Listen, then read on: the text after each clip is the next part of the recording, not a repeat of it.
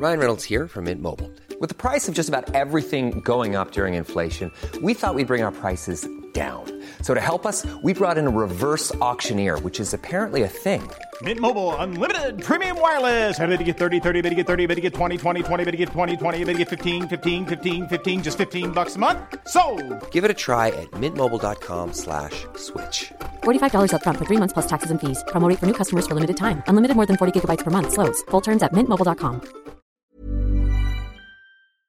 Velkommen til aksjepraten på onsdag 24. august. Etter en opptur i går, så er hovedindeksen på Oslo Børs nå eh, starter ned i dag 0,2 til tross for at vi på første gang på en liten stund har sett en oljepris nå som faktisk er over 100 dollar fatet med en 70 cent. Forrige gangen vi så det, var en intradag høy på da 12. august. Og Siste gang vi så en sluttnotering over 100, var altså 29. juli. Så får vi se Karl Johan, om det holder eh, nå ut dagen og eh, etter da denne uttalelsen fra Saudi-Arabias energiminister her i går. Men vi skal ikke snakke så veldig mye energi og olje, for vi skal snakke fisk.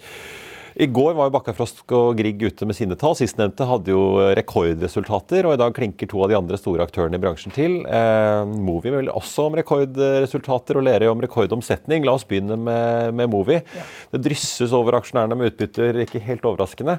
Eh, hva kan vi si om tallene? Tallene er veldig gode. Inntektene er på 1,23 milliarder euro. Det er opp eh, fra 1 milliard euro samme periode i fjor. Og operasjonelt driftsresultat 320 millioner euro, og det er oppe fra 137 millioner. Og igjen så ser vi samme bilde som vi så i går, og vi ser jo også at eh, Grieg Seafood-aksjen fortsetter jo ned i dag. Da, så det, må vi starte ned 4 ja, ned 4% ja. Og det er, Aksjen handler ikke på 15 ganger earnings, på peak earnings her, så det er jo helt klart at det er noen som da eh, begynner å ta gevinst her. For det, de, det, det er mulig lakseprisen holder seg på samme nivå. Eh, ja. eh, neste år som den er i år, men eh, like sannsynlig så kan den være lavere.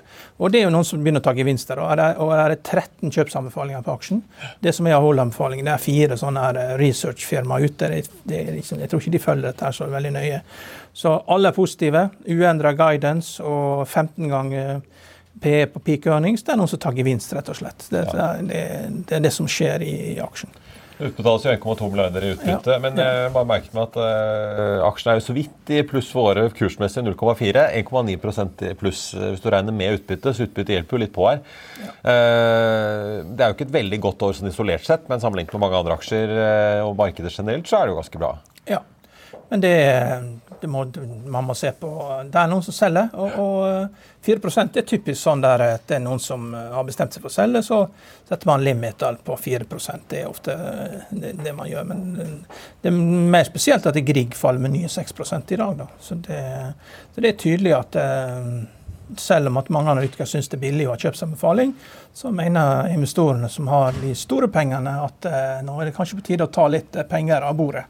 Ja, som ja. sier på kasino. Ja. Du, eh, Hva med Lerøy, da? De falt jo enda bitte litt mer enn Movin. Movi, ned 4,4% fra start her, på da en rekordomsetning. Ja, men klart Lerøy er mye vanskeligere å analysere. For det første så har de mye fastprisavtaler. Det er sånn value added processing. og at de eh, bygger jo markedet. Mer foredlede produkter. Mer, mer foredlede produkt, ja. Og I tillegg har de hvitfisk. og Hvis du har lyst til å ha mareritt som analytiker, så er det bare å sette seg opp ned og prøve å analysere hvitfisksegmentet til Lerøy, da, ettersom de skifter med kvartaler. Det var jo torskepriser og seipriser. og det er klart I Lerøy så elsker de sei. da. Problemet at kundene er ikke så glad i sei. da. Litt mer, ja, litt mer avholdende? Ja, det er, det er liksom uh, Sei er liksom det de, de, pusher. Og til slutt så får jo de sikkert rett at du klarer å få løfte prisene på det også. Men det, uh, sei er det som er det de eh, har, har, mye av, da, som alltid har vært eh, mye dårligere pris på enn torsk, uten at Lerøy forstår hvorfor. Ja. ja. Jeg så,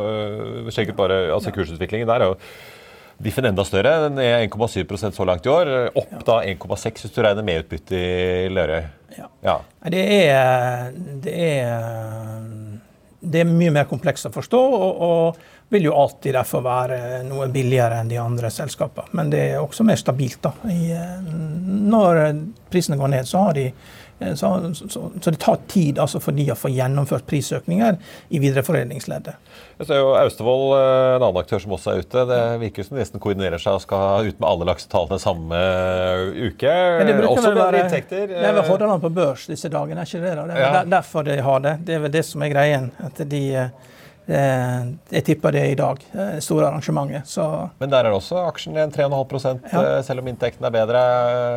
Er det da er det noen sånn fondsforvaltere eller noen større ja, aktører i, i, sektoren som nå bare ja, tar pengene av bordet på alle disse aksjene? Ja, og, og, men Austevoll, hovedaktiviteten er jo at de eier Lerøy Seafood. Det er jo hovedaktiviteten i Austevoll Seafood. Ja. Og så fisker jo de anchovita utenfor Peru og Chile, men det betyr mindre. Ja. Litt mer hobbyvirksomhet på helge, helge, helgene? Nei, ikke hobby. Det er veldig seriøs business. Nei, nå skal vi ikke jeg kan, jeg kan fortelle historien når Austevoll Seafood skulle hente penger i New York. Ja. og eh, Da var Anne Møgstad ny, eh, ny CEO i selskapet. og eh, 29 år, og, og, det var jo en, en, det var 30 stykker som satt og så på. Og det var en som sa til han at jeg spurte han, Aren't you kind of young to be CEO of a listed company? Da sa han vel det at, eh, sa det at dette er den letteste jobben jeg har hatt, å stå her og flippe foiler for dere. Men å være kaptein på en båt i en storm i en alder av 22 år, det var vanskelig jobb, det. Da ble det stilt. Da har du vestlendingen sin, det, vet du. Mer eh, laksestoff og ikke minst eh, mer om de andre kvartalsrapportene og børsnyhetene som har kommet i dag, det får du på FA1 nå. Hi. This is Craig Robinson from Ways to Win, and support for this podcast comes from Invesco QQQ. Invesco QQQ is proud to sponsor this episode and even prouder to provide access to innovation for the last 25 years. Basketball has had innovations over the years, too. We're seeing the game played in new ways every day. Learn more at Invesco.com slash QQQ. Let's rethink possibility. Invesco Distributors, Inc. Økonominyhetene er en podkast fra Finansavisen. Programledere er Marius Lorentzen, Stein Ove Haugen og Benedikte Storm Bamvik.